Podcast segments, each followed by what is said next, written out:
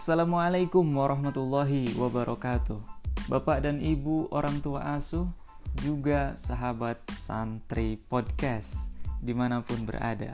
Alhamdulillah melalui media podcast pesantren Saif Al-Ulum ini, insya Allah kami akan rutin menyiarkan kegiatan para santri penghafal Al-Quran dan juga anak yatim di pesantren Saif Al-Ulum. Selain itu, kami juga akan siarkan ulang kajian dan ngaji kitab di pesantren Saif Al-Ulum.